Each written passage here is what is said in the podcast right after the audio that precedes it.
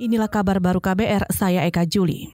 Saudara, nilai tukar rupiah dibuka melemah pada pembukaan pasar pagi ini. Sementara indeks harga saham gabungan atau IHSG dibuka menguat.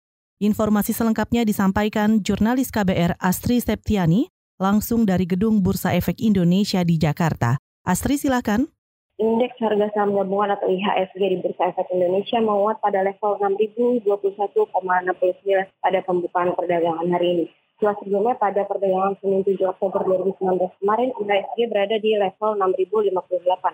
Eh, seluruh indeks harga saham gabungan pada hari ini bergerak di zona hijau. Meski begitu, IHSG diprediksi masih akan tertekan di pasar saham dan akan sulit mendongkrak zona hijau hingga penutupan perdagangan nanti. Sementara itu, nilai tukar rupiah melanjutkan pelemahannya terhadap dolar Amerika Serikat pada perdagangan pagi ini. Berdasarkan data Bloomberg, nilai tukar rupiah di pasar spot terpantau dibuka di level 14.175 per dolar Amerika Serikat dengan pelemahan 12 poin atau 0,08 persen dari level penutupan sebelumnya. Pada Senin lalu, pergerakan nilai tukar rupiah berakhir di level 14.193 per dolar Amerika Serikat eh, atau terdepresiasi 25 poin ke 0,18 persen.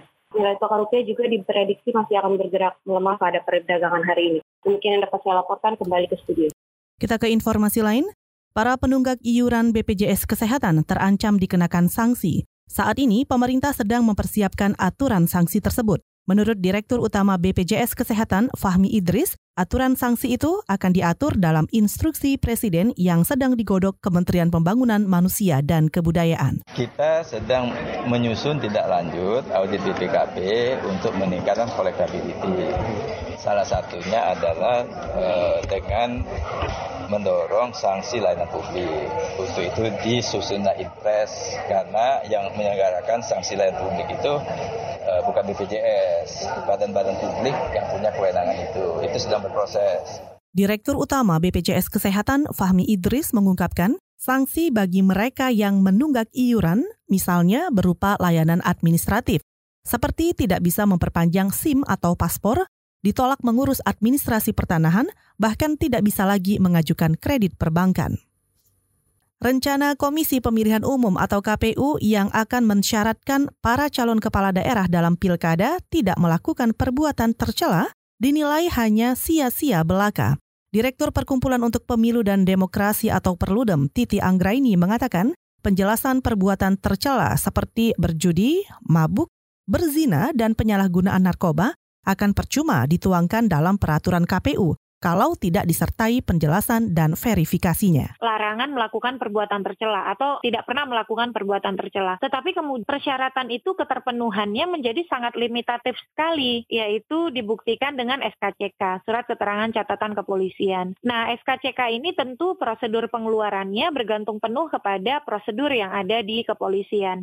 Hampir tidak pernah ada mekanisme untuk memverifikasi apakah SKCK itu benar atau tidak. Jadi apakah SKCK SKCK itu betul-betul merefleksikan pernah melakukan perbuatan tercela atau tidak. Selama ini kecenderungan KPU menerima apa saja SKCK yang dikeluarkan oleh kepolisian. Direktur Perludem Titi Anggraini menambahkan, KPU memang harus memastikan pemilih untuk mendapat informasi jelas tentang calon kepala daerahnya. Karena itu harus ada koordinasi antara KPU dengan kepolisian untuk memastikan perbuatan tercela yang diduga dilakukan setiap calon kepala daerah.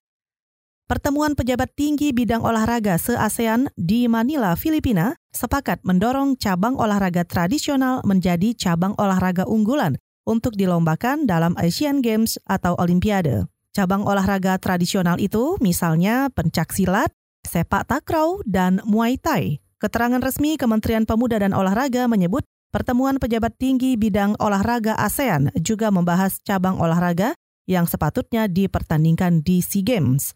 Dalam pembahasan itu, seluruh negara ASEAN sepakat berkoordinasi dengan Komite Olimpiade Nasional masing-masing supaya pada SEA Games berikutnya konsisten mempertandingkan cabang olahraga yang berbasis Olimpiade saja.